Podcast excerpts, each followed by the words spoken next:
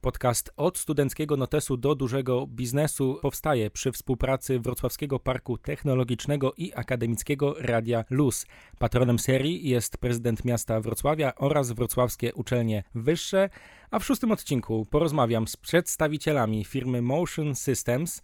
Jest ze mną Michał Stanek, założyciel firmy oraz Agnieszka Olech, dyrektor marketingu Motion Systems. Dzień dobry. Dzień dobry, witamy, witamy serdecznie. Dzień dobry, witamy.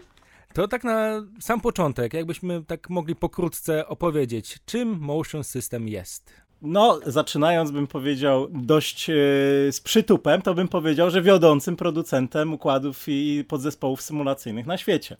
E, oczywiście nie zawsze tak było i myślę, że dzisiaj o tym sobie, sobie poopowiadamy, ale droga do tego momentu, w którym jesteśmy, jesteśmy teraz była, bym powiedział, kręta, czasami wyboista i, i wymagała wielu, e, wielu wyrzeczeń. No to skoro zaczynamy tę drogę, to zacznijmy od początku. Kiedy powstał pomysł, żeby Motion Systems e, założyć? To już było na studiach bo Michał, ty jako przedstawiciel Politechniki Wrocławskiej, no można powiedzieć, kultywowałeś dalej tą e, technologiczną e, karierę.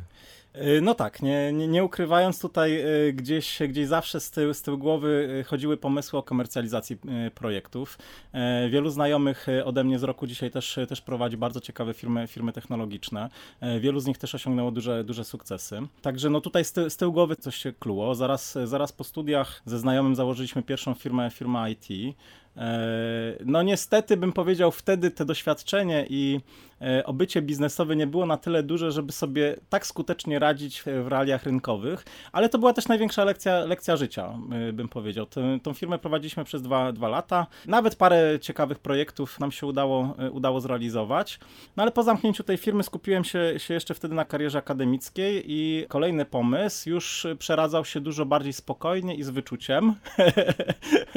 Więc po, powiedzmy, że rozpoczął się od etapu hobby i robienia sobie czegoś przy okazji przy okazji pracy, pracy na uczelni, czegoś, co już można namacać, czegoś, co można, e, można też dotknąć, nie tylko z czystego, czystego programowania, bo akurat się wywodzę stricte, stricte z branży IT, gdzie mało rzeczy można dotknąć. No właśnie, bo ty jesteś z branży IT, skończyłeś e, informatykę z tego, co udało mi tak, się znaleźć. Tak, informatykę na naszym, na naszym izecie. I nagle okazuje się, że zajmujesz się takimi rzeczami z jednej strony informatycznymi, ale z drugiej mechatronicznymi, automatycznymi.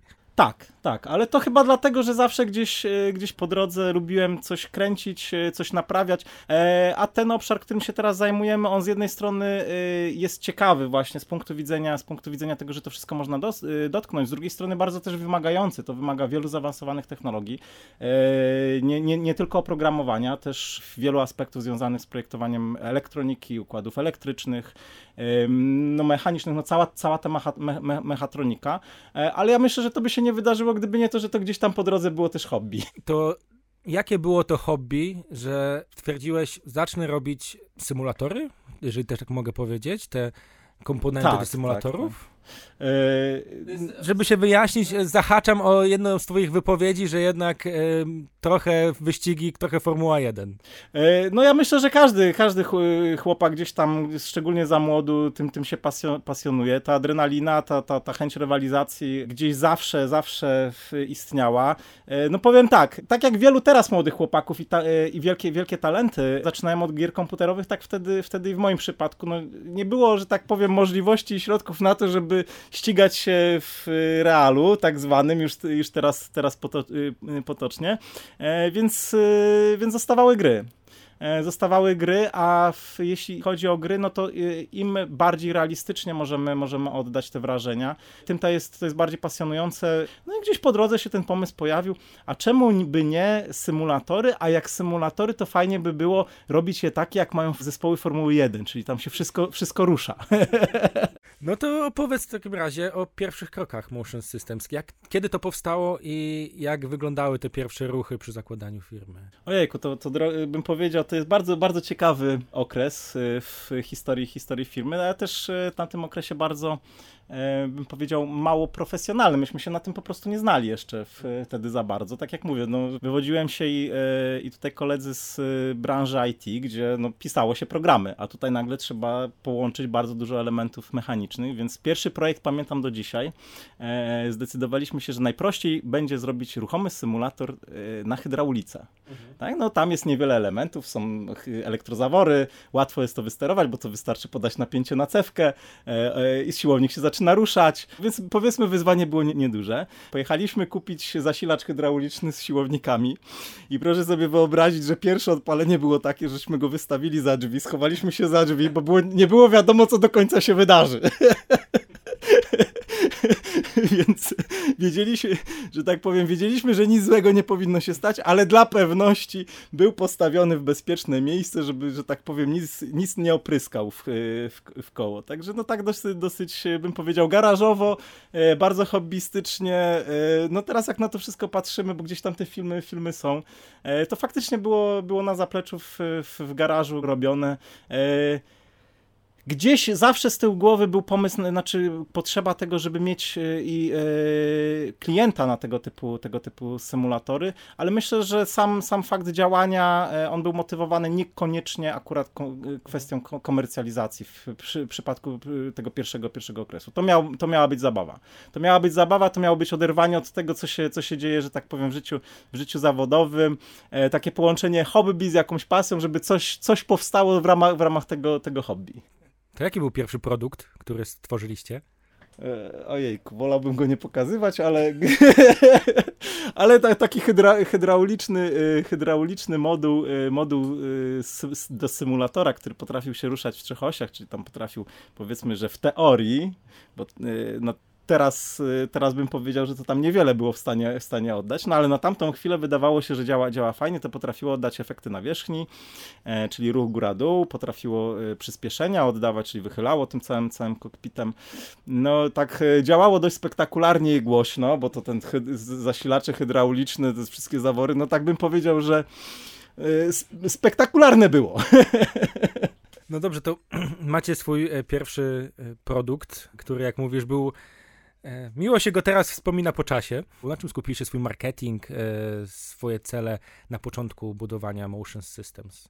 No i tutaj, tutaj wróciłbym do, do tego, co, co powiedziałem wcześniej, że właśnie chyba największą szkołą życia i taką największą wiedzę czerpałem z pierwszej porażki, którą było zamknięcie firmy po, po e, swojej pierwszej po dwóch latach. I wtedy, wtedy doskonale widzieliśmy, że najważniejsze nie jest to, jaki się produkt ma, albo jakie ma funkcje, tylko najważniejsze jest potrafić dotrzeć do klienta i znaleźć tego klienta przede wszystkim. I e, no tutaj było duże wyzwanie, bo e, przez e, no, dość długo, bo ja myślę, że przez 3-4 miesiące my w ogóle identyfikowaliśmy, kto może być grupą klientów. Pamiętajmy, że to były rozwiązania nie tak, znaczy mocno mniej zaawansowane niż w tamtym okresie konkurencja mogła dostarczyć. Grupą klientów y, nie były profesjonalne ośrodki y, akademickie, także tutaj, tutaj było dosyć, dosyć ciężko. Szukaliśmy na, pamiętam w tamtym okresie y, jeździłem po kręgielniach, dzwoniliśmy do ośrodków. Agnieszka kiwa z, z aprobatą głową, tak było? Tak było, tak było, dokładnie. No to było, to było wielkie wyzwanie. Pamiętam, że brałem książkę telefoniczną, tam panoramę firm na pomoc Pomorzu wyszukiwałem firmy, które, e, które gdzieś, gdzieś zajmowały się, jak, miały jakieś centra, e, centra e, takie rozrywkowe, dzwoniłem, pytałem, czy by nie chcieli symulatora. No odzew byłbym powiedział bardzo, bardzo słaby. Ale to też świetnie doszczegółowiło produkt. Bo pierwsza wizja, gdybyśmy kontynuowali tak jakby rozwój tego produktu bez próby znalezienia klientu, czyli skończylibyśmy ten projekt, a dopiero później na niego szukali klienta, spowodowałoby, że najprawdopodobniej dzisiaj nas by nie było. E, dlaczego tak mówię? Bo się okazało, że ta nisza rynkowa, która wtedy istniała, istniała zupełnie w innym miejscu niż nam się, nam się wydawało. Ta nisza istniała w, firmach, które już symulatory miały, już świadczyły usługi e, eventowe e, i one miały wielką potrzebę na to, żeby urozmaicić swoją ofertę Natomiast rozwiąza e, rozwiązania tutaj e, z zachodu, e, te, te, które wtedy na rynku istniały, one były dla nich nieosiągalne jeszcze. Tak, to ten pułap, pułap cenowy był bardzo, bardzo wysoki. Także no też jak najszybsze dotarcie do klienta pozwoliło zidentyfikować, co jest rzeczywiście potrzebne. I się wtedy okazało, że klient nie oczekuje pełnego symulatora, bo ci klienci już symulatory mieli, tylko potrzebuje akcesorium, którym był, była platforma, która pozwalała wprowadzić ten dodatkowy wymiar e, e, imersji, e, wrażeń z, z, z, samego doświadczenia jazdy. Także, no i to ja myślę, że był przełom, bo myśmy, myśmy wtedy skupili się właśnie na tym, że skoro nikt nie chce z gotowego symulatora, firmy są zainteresowane modułami ruchu, to w takim razie skupmy się na, tylko na tych modułach ruchu. I w zasadzie przykuliśmy naszą, e, naszą największą słabość na, na wielki sukces, bo my też nie potrafiliśmy robić tak kokpitów do końca w tamtym okresie. Natomiast faktycznie, no tutaj te, te zaplecze, te, te, te doświadczenie, doświadczenie techniczne było, było, było dobre i duże. I no, skupiliśmy się na tym, co rzeczywiście nas, nas bawiło, co, co, co pozwalało nam rozwinąć, rozwinąć skrzydła. To wasze komponenty i to, co macie obecnie w swoim portfolio, na pewno jeszcze was zapytam, ale mam pytanie do Agnieszki, jak ty wspominasz te pierwsze walki o klienta, e, te, tą część marketingową, pojawiania się w nowych to nowych miejscach?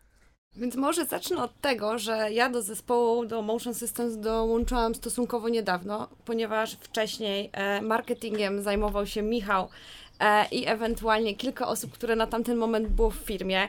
E, byli to inżynierowie, więc ten marketing też wyglądał różnie. Po inżyniersku. Po inżyniersku, właśnie. Po inżyniersku, dokładnie. E, tutaj chłopaki mieli świetny kanał na YouTubie i to był w zasadzie pierwszy taki kanał, e, który pozwolił dotrzeć do klienta nie tylko tego lokalnego w Polsce, ale także zagranicznego. E, myślę, że dzięki temu w ogóle byli w stanie gdzieś tam pojawiać się w świadomości tych klientów, e, szczególnie e, zagranicznych i na Zachodzie, a także w Stanach Zjednoczonych. Jak dołączyłam do zespołu, była strona internetowa, więc no, też świetnie. Była też wprowadzona pierwsza reklama w internecie, co też było dość fajnym sukcesem, bo mogłam zacząć swoją pracę od pracy na jakichkolwiek danych, które pokazywało, kto się nami interesuje, kto wyszukuje naszych produktów w internecie, o co najczęściej klienci pytają albo czego najczęściej e, poszukują. Po dołączeniu do zespołu e, marketingu byłam tam sama, prócz dwóch moich kolegów z działu graficznego, no i tak to w zasadzie wszystko się zaczęło. Teraz Myślę, że po tych kilkunastu latach e, Motion Systems na rynku oraz e, naszej ponad dwuletniej pracy możemy śmiało i z dumą powiedzieć, że jesteśmy rozpoznawalną marką nie tylko w Polsce, ale również za granicami, zarówno między tymi klientami profesjonalnymi, jak i e, już teraz coraz częściej indywidualnymi. To ciekawe, co powiedziałaś na początku.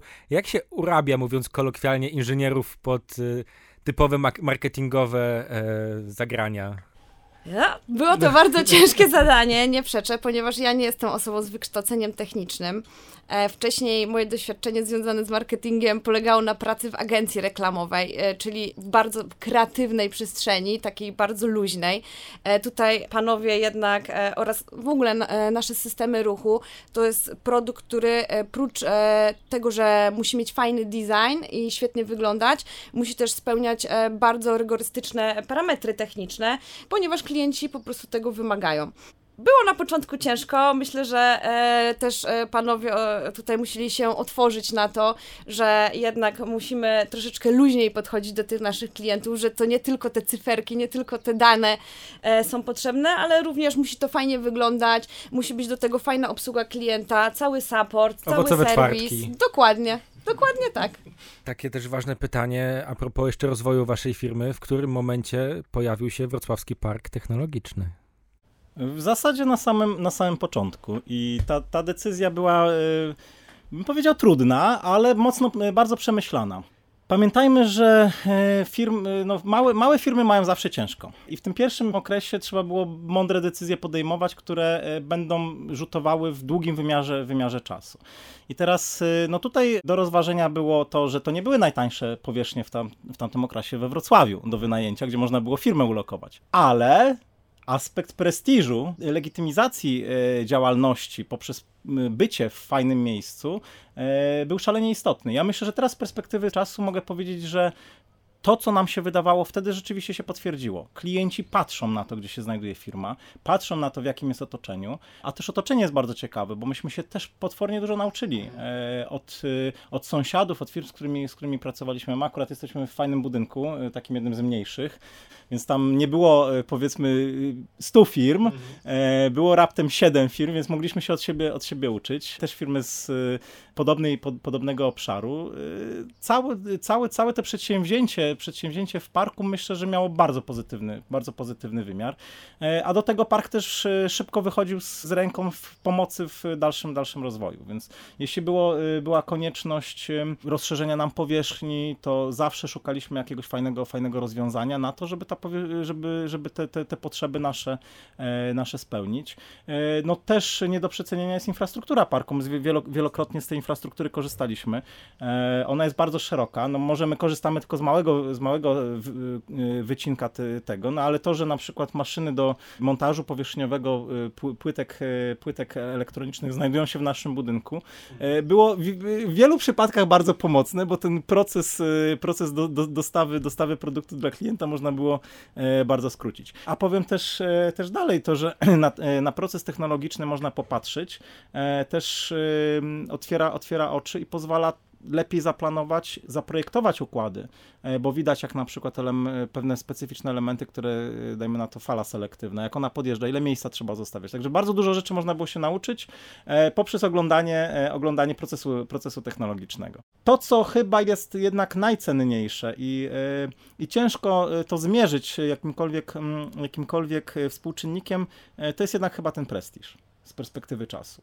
E, jednak ci klienci, jak przyjeżdżali, to mi się tak wydawało, nam zwłaszcza na początku, że to jakaś mała, mała, mała firemka w jakimś, jakimś garażu, a tutaj nagle w tym, w tym parku te, te, te, te budynki, ta cała infrastruktura, a można było się pochwalić tymi wszystkimi laboratoriami, tak nie do końca mówiąc, że to jest, są części wspólne, ale korzystamy, tu robimy, także można było troszeczkę zagrać, bym powiedział, marketingowo i po inżyniersku. Tak, właśnie chciałam e, dodać, że Wrocławski Park Technologiczny, prócz e, takiego wsparcia, o którym teraz wspomniał Michał, oferuje także wsparcie, jeśli chodzi o promocję promocję i reklamę, ponieważ e, dzięki dobrej współpracy i świetnym stosunkom z Wrocławskim Parkiem Technologicznym mieliśmy możliwość korzystania z innych e, przestrzeni, innych powierzchni niż tylko te, które, e, za które tak naprawdę płacimy czy wykorzystujemy na co dzień.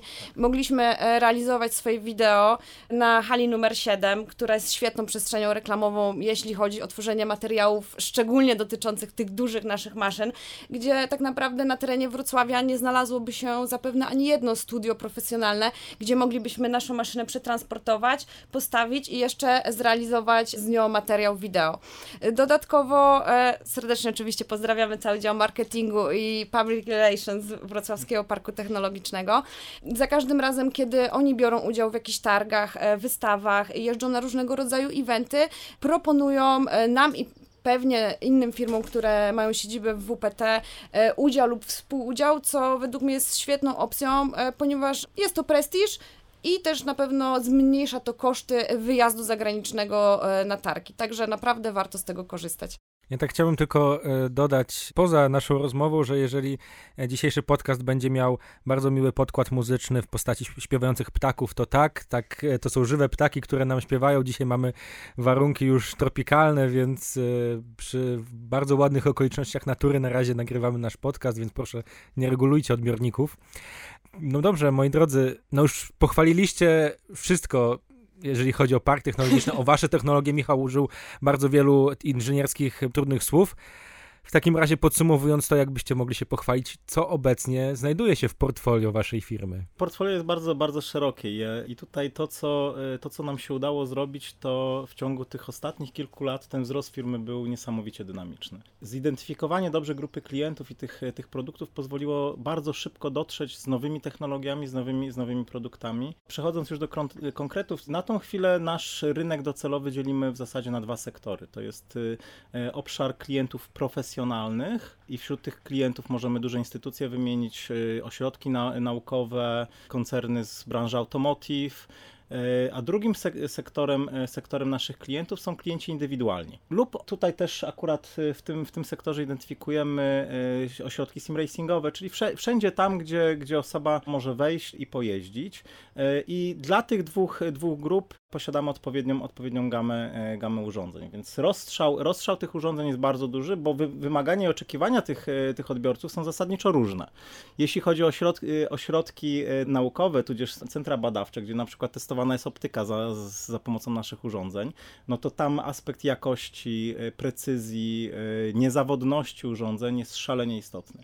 To jest, tam właśnie gra się cyframi. To, co, co Agnieszka wcześniej wspominała, że ciężko było nam przemówić, że nie zawsze te cyfry są najważniejsze. Tak. Akurat dla tych Dane klientów... Dane techniczne tak. na TikToku dość ciężko przedstawić. Dokładnie, no ale są tacy klienci, którzy, że tak powiem, gdzie też mamy, możemy znaleźć wspólny język, bo pracują tam inżynierowie. więc więc tutaj, tutaj fajnie, bo tutaj nam się, nam się udało naprawdę, naprawdę ciekawe projekty zrealizować. E, naszymi klientami jest m.in. Toyota, Honda, Walt Disney. O, Walt Disney, dokładnie. Walt Co Disney Walt te... Disney robi z waszymi produktami? No nie chcieli się pochwalić, bym powiedział, a my też e, domyślamy się, ale nie możemy powiedzieć, no tam umowa była 90-stronnicowa, jak podpisywaliśmy, podpisywaliśmy dostawę, ale możemy, możemy się pochwalić też współpracą z Netflixem.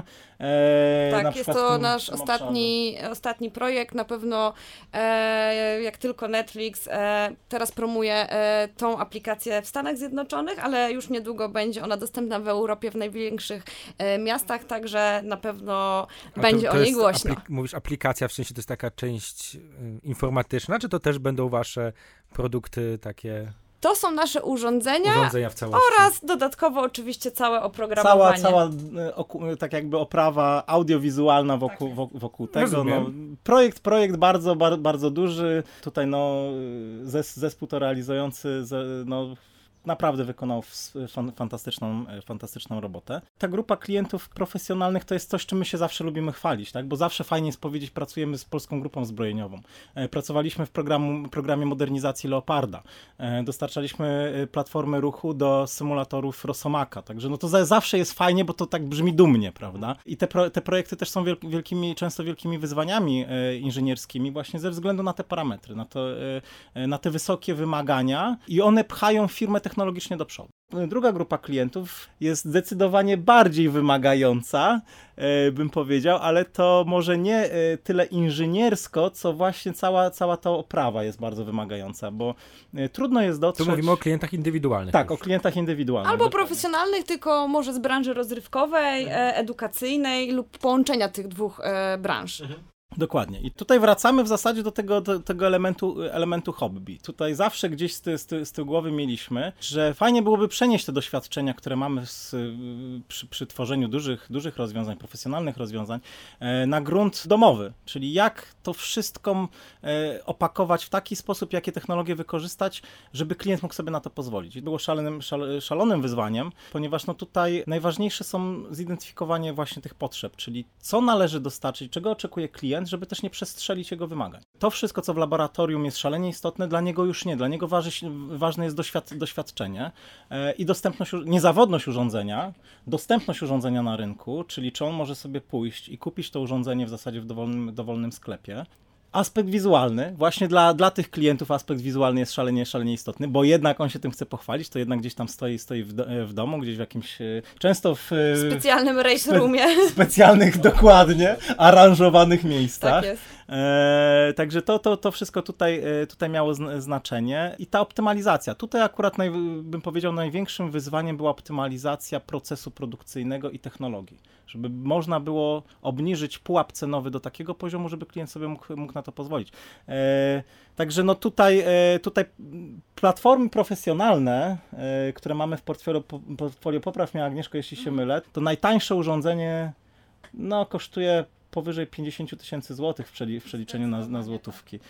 Także, także tutaj było, było szalene, szalenie duże wyzwanie, mm, jak zaprojektować, z czego wykonać, jak proces technologiczny powinien wyglądać, z jakimi e, kooperantami tutaj pracować, żeby można było tak, tego typu e, rozwiązanie dostarczyć i jak to w ogóle sprzedawać, czyli jak dotrzeć do klienta później. I to chyba było e, kolejny taki też strzał, strzał w dziesiątkę, czyli jak przekuć słabość w, w sukces wielki. Na tamtą chwilę nie, nie dysponowaliśmy właśnie działy marketingu, czyli nie potrafiliśmy skutecznie dotrzeć do klienta indywidualnego. O ile duże, duzi klienci potrafili nas znaleźć, bo to jest bardzo jednak hermetyczna branża, o tyle klient indywidualny miał z tym, z tym duży problem. No i nie mieliśmy, bym powiedział, żadnego doświadczenia w tym, jak sprzedawać y, komercyjnie na całym, na całym świecie. Więc y, połączyliśmy siły z partnerem, podpisaliśmy wielką, wielką znaczy dużą umowę dystrybucyjną. E, no i na tą chwilę sprzęt jest dostępny w Stanach Zjednoczonych, można sobie wejść do Walmartu, ściągnąć sobie spółki. E, także tak. No to, to taki to... bardzo dostępny jest. Tak, tak. tak. O, jest też dostępny na e, większości tych dużych platform e-commerce'owych, międzynarodowych, na przykład na Amazonie. Czyli jak ja bym chciał sobie postawić nagle w swoim 2 na 3 pokoju symulator y, Formuły 1 na przykład, to mogę to tak prawie że od ręki zrobić. W zasadzie można wejść na Amazona, tak. Za, zamówić sobie w pakiecie i przyjdzie, przyjdzie y, gotowiec. E, także to też, też udało, y, ten ruch pozwolił na zwiększenie skali. To, to był naprawdę ciekawy ruch. W tym momencie już produkujemy urządzenia w tysiącach sztuk rocznie. E, także to tak jak bym powiedział, zaczynaliśmy e, od pojedynczych sztuk, kilku wdrożeń, do dużych wdrożeń, projektów. Tak, do konkretnych projektów. E, tak teraz no, nasze, nasze urządzenia w skali, w skali roku sprzedają się w tysiącach egzemplarzy, także to, to już jest naprawdę duża skala. Dlatego jak powiedziałem na początku, że jesteśmy wiodącą firmą. wiodącą firmą, to e, myślę, że w wielu obszarach e, już mamy pozycję, pozycję lidera tutaj, jeśli, jeśli chodzi o pewne, pewne grupy produktowe. Ten jeden z ważniejszych ruchów to był też ten ruch, kiedy stwierdziliście, że nie robicie całych symulatorów i nie robicie pełnego pakietu, tylko robicie również komponenty, które również można części do tego dokupić sobie, jakie chcemy, w waszym chociażby sklepie. Dokładnie, no to te, ten ruch był chyba najmądrzejszym ruchem, jaki wykonaliśmy w historii całej firmy. A dlaczego tak mówię? Bo przestaliśmy być konkurencją dla wielu firm, które już produkowały. Zaczęliśmy być dla nich partnerem. Także ich, e, ich grupy odbiorców e, potencjalnie też byli, były naszymi grupami, e, grupami odbiorców. Tak, także no to, to chyba był największy, największy sukces tego, żeby E, żeby przekuć, przekuć te nasze umiejętności e, te technologiczne w jakiś, w jakiś produkt. No i to na pewno tworzyło nam drogę do, kolejnych, do kolejnej współpracy, kolejnej i kolejnej. Tak. E, dzięki temu zaistnieliśmy w świadomości naprawdę wielu, wielu firm związanych z tą branżą. Tak patrząc z punktu widzenia jednak klienta indywidualnego, zastanawiałem się, czy pandemia wam pomogła, czy wam przeszkodziła ponieważ y, wydawało mi się, że w momencie, kiedy przychodzi pandemia i musimy siedzieć w domu, każdy by chciał przynajmniej trochę sobie tej wirtualnej rzeczywistości uszczknąć y, u siebie w czterech ścianach. To jak jest w sumie dalej w trakcie pandemii? Jak y, firma sobie poradziła od już ponad roku? No na początku była wielka niewiadoma. To, to tutaj, tutaj nikt do końca nie wiedział, co się, co tak, się wydarzy. byliśmy troszkę zdenerwowani no, zaistniałą sytuacją. Ja myślę, że cały rynek był ba tak. bardzo nerwowo na to zareagował. To tak e, e, pamiętajmy, że ta reakcja, reakcja w pierwszych, pierwszych pierwszym miesiącu pandemii była taka dość. E, no wszyscy podchodzili ostrożnie do tego, co się za chwilkę, za chwilkę może wydarzyć, i na tym rynku też to było widać. Bo zarówno w, w grupie klientów profesjonalnych, jak i domowych było widać w pierwszych dwóch miesiącach zastój. W dalszym, w dalszym okresie ewidentnie, ewidentnie duże projekty komercyjne zostały wstrzymane. Także E, wiele firm wycofało się, e, wycofało się z tematów, które były, były realizowane. Wiele firm przełożyło to w czasie. Także tutaj ten rynek profesjonalny wyhamował. Za to rynek komercyjny no to, był, to, to są chyba najlepsze, najlepsze lata w tym momencie sim racingu, co widać. Kon, w kontekście też różnych, różnych aktywności esportowych, formuła wchodzi w, w e-sport. Bardzo dużo osób tym się zainteresowało i zaczęło szukać rozwiązań. E, no i ten rynek bardzo mocno wystrzelił w górę. To, e, do tej pory on jeszcze nie wyhamował. Mam nadzieję, że to powiedzmy będzie trwało jak najdłużej, e, ale faktycznie ta pan, pan, pandemia, pandemia temu w tym, w tym obszarze, obszarze pomogła. Ale też ten okres, ja myślę, że to wyhamowanie właśnie na tym rynku, rynku profesjonalnym, które, które nastąpiło, pozwoliło też skupić się na, na tym, żeby pozamykać parę te, tematów w firmie i też zastanowić się na tym, w jakim kierunku firma, firma chce iść. Ja się pochwalę na tym w, ty, w, ty, w tym momencie, że właśnie to okres pandemii spowodował, że wyszliśmy z bardzo ciekawą inicjatywą tutaj we Wrocławiu, Otwieramy największe w Polsce i jedno z naj, najbardziej zaawansowanych i największych centrum w Europie. E, centrum sim racingowe i centrum szkoleniowe. które będzie, będzie właśnie w Sky, Sky Towerze. Także na 600 metrach kwadratowych będą nasze, nasze, nasze urządzenia, będzie profesjonalne.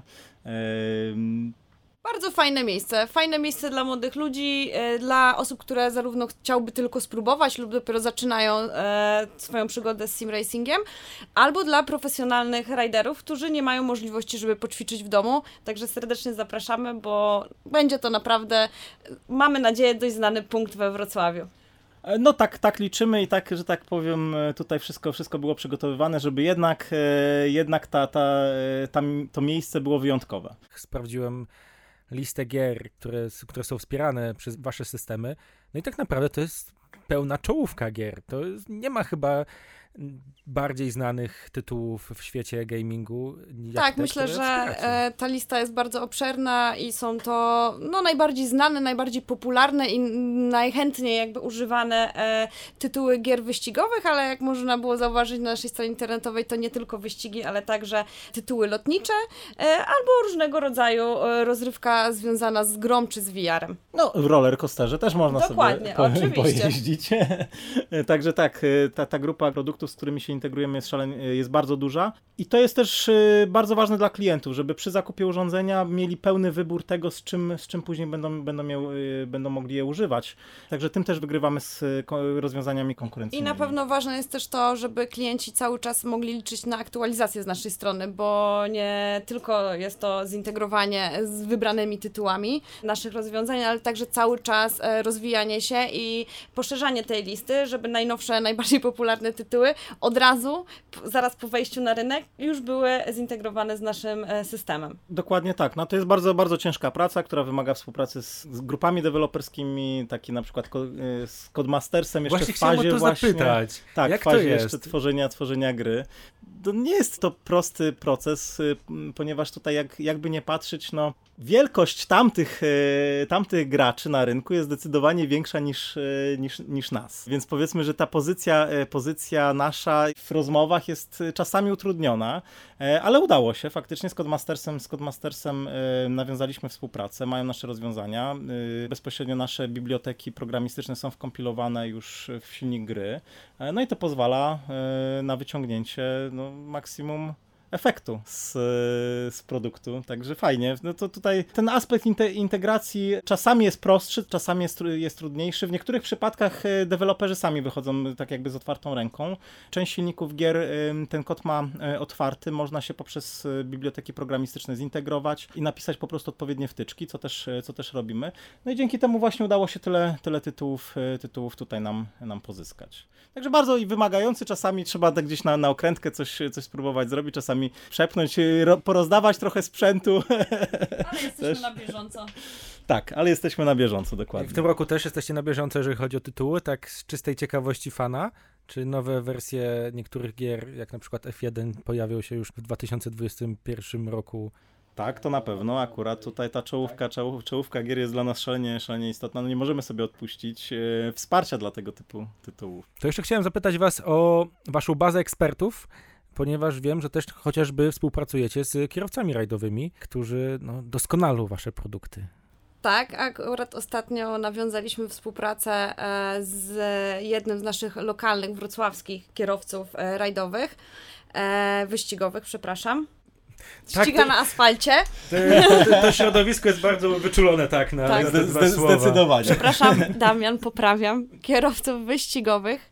E, Damian Lempart współpracuje z nami od kilku miesięcy. Jest dla nas no, naprawdę olbrzymim wsparciem, ponieważ firma w większości składa się z inżynierów, wcześniej wspomnianych, e, no ale też, żeby nasz system ruchu spełniał te największe oczekiwania klientów, którzy naprawdę są wielkimi fanami wyścigów, rajdów, sim racingu, a, także też e, często ścigają się w rzeczywistości. No niestety tutaj potrzebujemy takiego wsparcia, zaangażowania i tego doświadczenia doświadczenia przełożonego też z toru. No i dzięki, dzięki Damianowi w zasadzie e, jesteśmy w stanie już teraz e, naszym klientom zaoferować szereg e, profili do wcześniej wspomnianych gier, z których jakby nasi klienci indywidualni na co dzień mogą korzystać i poczuć się tak naprawdę jak kierowcy. Dokładnie. No, dzięki, dzięki takiej współpracy ta wiedza, informacje w pra, pracy ze sprzętem pozwalają wyciągnąć pewne niuanse, które dla mnie na przykład one są niedostrzegalne, albo nie zdaję sobie sprawy z tego, że one są istotne. Także ta, ta, ta współpraca pozwala na wyciągnięcie elementów ważnych z punktu widzenia szkoleniowego. E, nie tylko rozrywkowego, nie tylko tej, tej imersji takiej, że fajnie, fajnie, bo to wszystko, wszystko pracuje, e, tylko które elementy na to, że są istotne, które muszą być wyciągnięte w tym aspekcie doświadczeń, e, a które można stłumić, bo one przeszkadzają. Także tutaj akurat współpraca z Damianem jest szalenie, szalenie ważna i mam nadzieję, że tutaj w niedługim okresie czasu tych kierowców będzie jeszcze kilku no najważniejsze, najważniejsze, żeby klient dostawał dobry produkt, a ten dobry produkt może powstać tylko e, przy współpracy z dobrymi ludźmi, którzy znają się na tym, co robią. Na waszej stronie pierwsze, co wyskakuje, to wasz nowy system, który w tym roku wprowadzacie, czyli Kubrick System. E, jakbyście mogli trochę opowiedzieć na temat tego. Tak, e, może powtórzę tylko, że nazywa się to Cubic System. Kubik, przepraszam. Ojej, to ja sobie źle tak, ten, w tym, roku, w tym roku udało nam się wejść na rynek e, z nowym systemem Cubic System. Kubik. Dokładnie. Jesteśmy już po oficjalnej premierze. E, jest to produkt de dedykowany stricte klientom indywidualnym, czyli wszystkim fanom wyścigów i sim racingu. E, będziemy go sprzedawać przy pomocy naszej już dość teraz mocno rozbudowanej sieci dystrybucji. E, w zasadzie jesteśmy obecni już na każdym kontynencie. System został stworzony i oparty na technologii siłowników liniowych, dzięki czemu e, jest możliwość e, odwzorowania prawie że idealnych warunków, które panują na prawdziwym torze w grze. Czyli możemy się poczuć bardzo realistycznie korzystając z tych urządzeń. możemy naprawdę rywalizować z najlepszymi na tych najfajniejszych torach na świecie. Dokładnie tak. No tutaj e, to, to, o czym rozmawialiśmy wcześniej, właśnie praca z rozwiązaniami profesjonalnymi pozwoliła nam opracować całą, cały teraz brand produktów pod nazwą właśnie Cubic System. E, to, co jest w nich ciekawe, to jest to, że od strony, ja wiem, że powiem jak inżynier teraz, ale od strony, od strony parametrów, to są rozwiązania, które są w tym momencie niedoścignione przez konkurencję. Wiele parametrów dwukrotnie, trzykrotnie prze, prze, przekracza parametry konkurencji, ale te parametry przekładają się właśnie na, e, na odczucia, na teksturę drogi, którą można odzwierciedlić, na efekty hamowania, wejścia, wejścia w zakręty, na jazdów, na szykany. Także no to jest wszystko to, co pozwala e, wejść na ten wyższy poziom, poziom doświadczeń. To jest kolejna marka, którą w tym momencie stworzyliśmy. Wielkie, wielkie działania i e, wielkie wyzwania też w budowaniu świadomości tej, tej marki. I celem tutaj tego, tego projektu jest też pozyskanie wiedzy na temat budowania globalnej marki dla klienta indywidualnego, ponieważ to, co wspominałem wcześniej, to te rozwiązania, które do tej pory były sprzedawane, one były sprzedawane e, pod marką Next Level Racing. Także y, było oczywiście wszędzie, wszędzie wiadomo, że to jest produkowane i dostarczane przez Motion Systems, jednak było to w innej marce, przy wykorzystaniu innych, innych kanałów sprzedażowych. Tutaj budujemy to sami. Chcemy się nauczyć, przenieść pewne doświadczenia i też nauczyć się, jak tworzyć duże globalne, globalne marki. No to przechodząc do przyszłości, e, jaki macie teraz największy cel przed sobą jako Motion Systems? No to jest bardzo, do, bardzo dobre pytanie. Ja myślę, że e, jak. To że, że drugie, drugie, drugie tyle, co, co, co już rozmawialiśmy, to byśmy mogli powiedzieć o tym. To tak. Odpowiedź na to pytanie by, by zajęła. Wy, wyzwań jest wiele. Wyzwań jest wiele i największym wyzwaniem, wyzwaniem, z którym w tym momencie, tak jakby, które musimy adresować i jakoś rozwiązywać, to jest wzrost. To jest jak radzić sobie z firmą, która już nie ma siedmiu osób, już nie ma 15 osób, a ma 95 osób, a za chwilkę będzie ponad, dużo ponad 100. Także zarządzanie, delegacja zadań. Dla nas dużym wyzwaniem w tym momencie jest powierzchnia, także za niedługo przenosimy się na nowy, nowy obiekt. Infrastruktura produkcyjna. Bardzo wiele e, takich aspektów związanych właśnie z możliwością dalszego zwiększania wolumenu, wolumenu sprzedaży. Także na tą chwilę największym wyzwaniem jest mądre zbudowanie struktury i świadomości organizacyjnej też wewnątrz, wewnątrz firmy żeby zaangażowania wśród ludzi. To pamiętajmy, małe, małymi grupami łatwo się zarządza, dużymi grupami zarządza się dużo, dużo trudniej e, i dużo trudniej e, zbudować w nich e, poczucie przynależności do, do organizacji. Także to są, to są chyba największe wyzwania, przed którymi będziemy stali, czyli zachować fajny taki startupowy charakter, charakter organizacji, gdzie wszystkim zależy na tym, żeby się pokazać, żeby zrobić coś fantastycznego, wyprzedzić konkurencję, ale z drugiej zaś strony jednak być już organizacją o powa poważnych podwalinach, o dużym, dużym, dużym zapleczu i powiedzmy egzekwować i być w stanie, być w stanie realizować elementy e, i powiedzmy projekty w za założonym czasie. Tak, Bo tak a oczekiwania... W startupie jest duży jednak często chaos, tak? tak? A tutaj potrzebujemy mieć usystematyzowane procesy. Oczekiwania klientów są coraz większe, coraz wyższe, świat pędzi, klienci oczekują wszystkiego na już, od razu, nikt nie chce na nic czekać, dlatego przed, na, przed nami stoi naprawdę olbrzymie Klienci wyzwanie, dokładnie, logistyczne, operacyjne, żeby między innymi nasza nowa linia produktowa była dostępna od ręki w na półkach w, w, każdym większym e, sklepie w Europie i na świecie.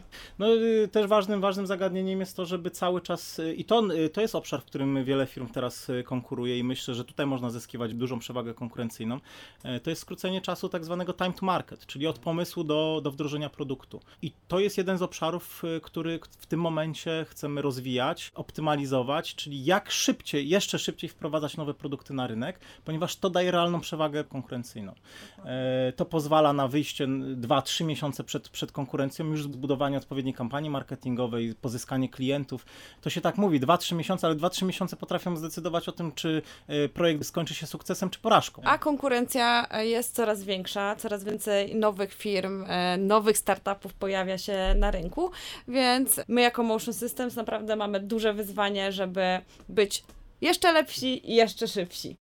E, no firma, firma oficjalnie powstała w 2013 roku, gdzieś we wrześniu. To wbrew pozorom nie jest długi okres czasu. I w ciągu tych lat y, no, baza produktów, y, technologii y, bardzo mocno, bardzo mocno nam tutaj się poszerzyła. I to za sprawą fantastycznego zespołu. No, siłą rzeczy za tym wszystkim stoją nasi wspaniali, wspaniali pracownicy, którzy uczyli się i zdobywali pierwsze szlify na naszych wrocławskich uczelniach. No, pozdrawiamy wszystkich waszych pracowników. Mówiłeś, że firma oficjalnie 2013 rok powstała, tak, tak, tak, strzelam, że pewnie chwilę wcześniej jeszcze te idee i pomysły się Ach, pojawiały. oczywiście, oczywiście. Więc macie już za sobą 10 lat, to dlatego moje pytanie o przyszłość, co będzie za kolejne 10 lat i to nawet nie w kontekście waszej firmy, chociaż pewnie też, ale całej branży. Czy spodziewacie się, jak to może wyglądać za to kolejne 10? To jest tak. Y, myślę, że cała, cała branża będzie, będzie dalej realizować pewne tendencje i trendy, które, które już są, są obserwowane. Czyli to jest informatyzacja, cyfryzacja, automatyzacja, wdrażanie technologii związanych z sztuczną inteligencją, wspomaganie, wspomaganie decyzji. To są wszystko takie naturalne, naturalne procesy.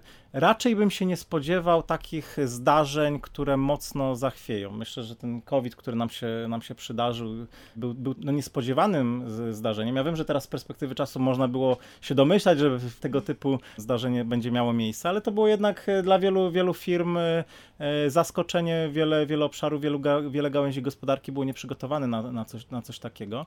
Ale tego typu kryzysy tworzą możliwości. Zwiększają też efektywność, ponieważ firmy nieefektywne po prostu sobie nie poradziły. Firmy, które nie miały wystarczającej elastyczności, e, które nie potrafiły się dostosować do, do zmieniających się warunków, e, miały duże trudności e, i musiały się restrukturyzować, tudzież no, po, prostu, po prostu zamknąć swoją działalność.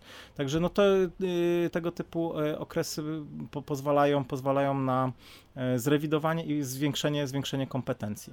A co będzie się działo w następnych 10 latach? No ciężko, ciężko do końca powiedzieć, czy następny taki czarny łabędź, jak właśnie ta nasza pandemia e, będzie, będzie miał miejsce, czy nastąpi jakiś rewolucyjny zwrot w, w obszarze technologii, czy powstanie rewolucyjna technologia, która będzie w stanie za, za, zastąpić, zastąpić tutaj człowieka? Raczej nie.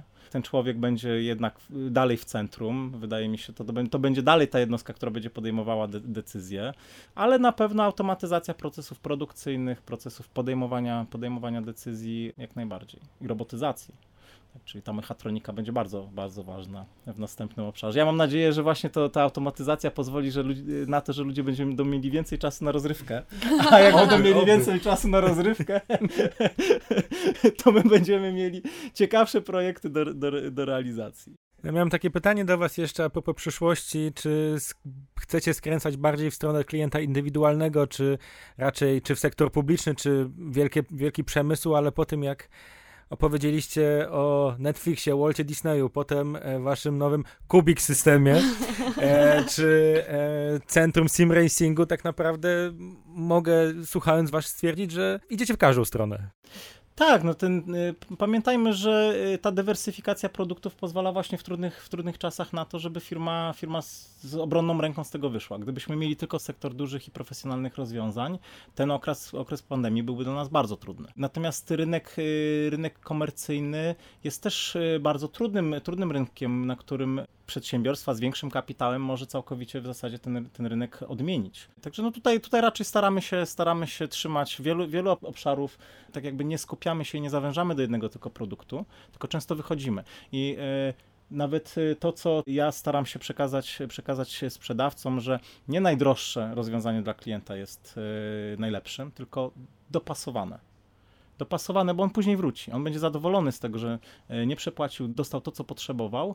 I właśnie tutaj, tutaj mamy tą elastyczność. To szerokie portfolio produktów, szer, szer, bardzo duże doświadczenia pracy z różnymi klientami pozwalają nam fajnie i ciekawie dopasować tą, tą ofertę i pracować bardzo blisko klienta. Dlatego General Electric, jak y, testował podwodne złącza elektryczne, to zdecydował się na nasz produkt, ponieważ byliśmy w stanie go do, dopasować dokładnie do, tego do, projektu. do charakterystyki tego, tego projektu. Także tutaj ta elastyczność jest bardzo, bardzo ważna. I tutaj też podwrócę właśnie do tego time to market, czyli jak szybko od, od fazy projektu albo y, od, od zmiany jesteśmy w stanie ten produkt dostarczyć i tym też wygrywamy na, na tym rynku.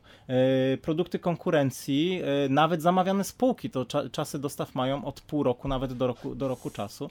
U nas podobne rozwiązanie klient jest w stanie pozyskać od półtora do trzech miesięcy od daty, daty zamówienia, także to, to, to też jest element, którym wygrywa się dzisiaj, dzisiaj na rynku. Klient przyzwyczajony jest do tego, że wszystko dzie, dzie, powinno się dziać szybko, tak? Także takie czasy, że coś się będzie działo za rok, e, to chyba tylko już w tym momencie mają, mają szansę bytu w zamówieniach publicznych. Ponieważ nikt komercyjnie nie może sobie już na to pozwolić. Zwłoka kosztuje, po prostu czas kosztuje. To jest naj, najcenniejszy zasób, jakim, jakim dysponujemy i klienci sobie z tego zdają, zdają sprawę i bardzo, bardzo to cenią. No to już na sam koniec. Podsumowując całe nasze spotkanie, tutaj mam pytanie do Michała. E, trochę z doświadczeń zakładania Motion Systems, ale też może poprzedniej firmy, którą, jak sam wspomniałeś, po dwóch latach troszeczkę trzeba było uciszyć, mówiąc tak, dyplomatycznie. Prze, prze, przemyśleć ten przemyśleć pomysł. ten pomysł. Jaką byś miał najważniejszą radę dla studentów, którzy mają gdzieś teraz w głowie pomysł zakładania firmy? Ja myślę, że taką najcenniejszą lekcją życia, jaką miałem, to było to, że nieważne, nieważne jest to, jak wspaniałym produktem jaki wspaniałym produktem dysponujemy, jaki wspaniały produkt potrafimy zbudować, tylko to, czy potrafimy z tym produktem dotrzeć do klienta. To jest najważniejsza, najważniejsza rada. Myślę, że ważniejsze jest to, żeby spróbować sprzedać już pomysł klientowi, niż dążyć do tego, żeby budować produkt na, według swojej, swojej wizji. E, no a poza tym to jest jeszcze, jeszcze wiele, wiele różnych drobniejszych, drob, drobniejszych, e, drobniejszych rad. E, jak to, że nie, że tak powiem, nie wiedza uszczęśliwia, czyli jakbym prawdopodobnie, gdybym zdawał sobie sprawę z tego, jak wiele problemów i trudności trzeba będzie rozwiązać, to nie zdecydowałbym się najprawdopodobniej na założenie tej, tej działalności, tylko jednak tam wracanie, może pracę bardziej w godzinach takich 8-16, jesteśmy, jesteśmy w domu, to że tak powiem, wiele, wiele stresów E, stresów e, pozwoliłoby uniknąć, e, ale wytrwałość, no tam powiedzmy tak, no sukces osiągają firmy, te firmy, które, które prom dalej do przodu, gdzie konkurencja się wycofuje już. Także wytrwałość, opór i pamiętajmy, to klient dyktuje, dyktuje e, to, co potrzebuje, a nie, nie, nie, nie, nie my. my. Możemy tworzyć, ale to już trzeba mieć naprawdę duże doświadczenie, żeby kreować rynek. Także starajcie się, starajcie się dotrzeć do klienta, zrozumieć, co on potrzebuje, starajcie się sprzedać to, zanim jeszcze zaczniecie robić. Agnieszka Olech i Michał Stanek byli dzisiaj moimi gośćmi. Dziękuję wam pięknie. Dziękujemy, Dziękujemy bardzo. serdecznie przy akompaniamencie e, natury, przy ptakach i wiejącym wietrze, ale to oczywiście z uwagi na to, że no przyszło w końcu lato do Polski, do naszego studia również.